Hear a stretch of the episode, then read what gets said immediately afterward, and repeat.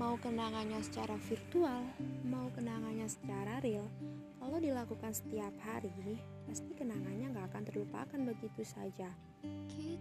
Meskipun yang virtual akan kalah dengan yang real, meskipun perkenalannya cuma beberapa bulan saja, meskipun banyak perbedaan di dalamnya, tapi ada kalanya sedikit waktu yang melakukan kebersamaan setiap hari interaksi dan komunikasi yang dilakukan terus-menerus akan membuat kenyamanan dan sedikit momen yang gak bisa dilupakan begitu saja.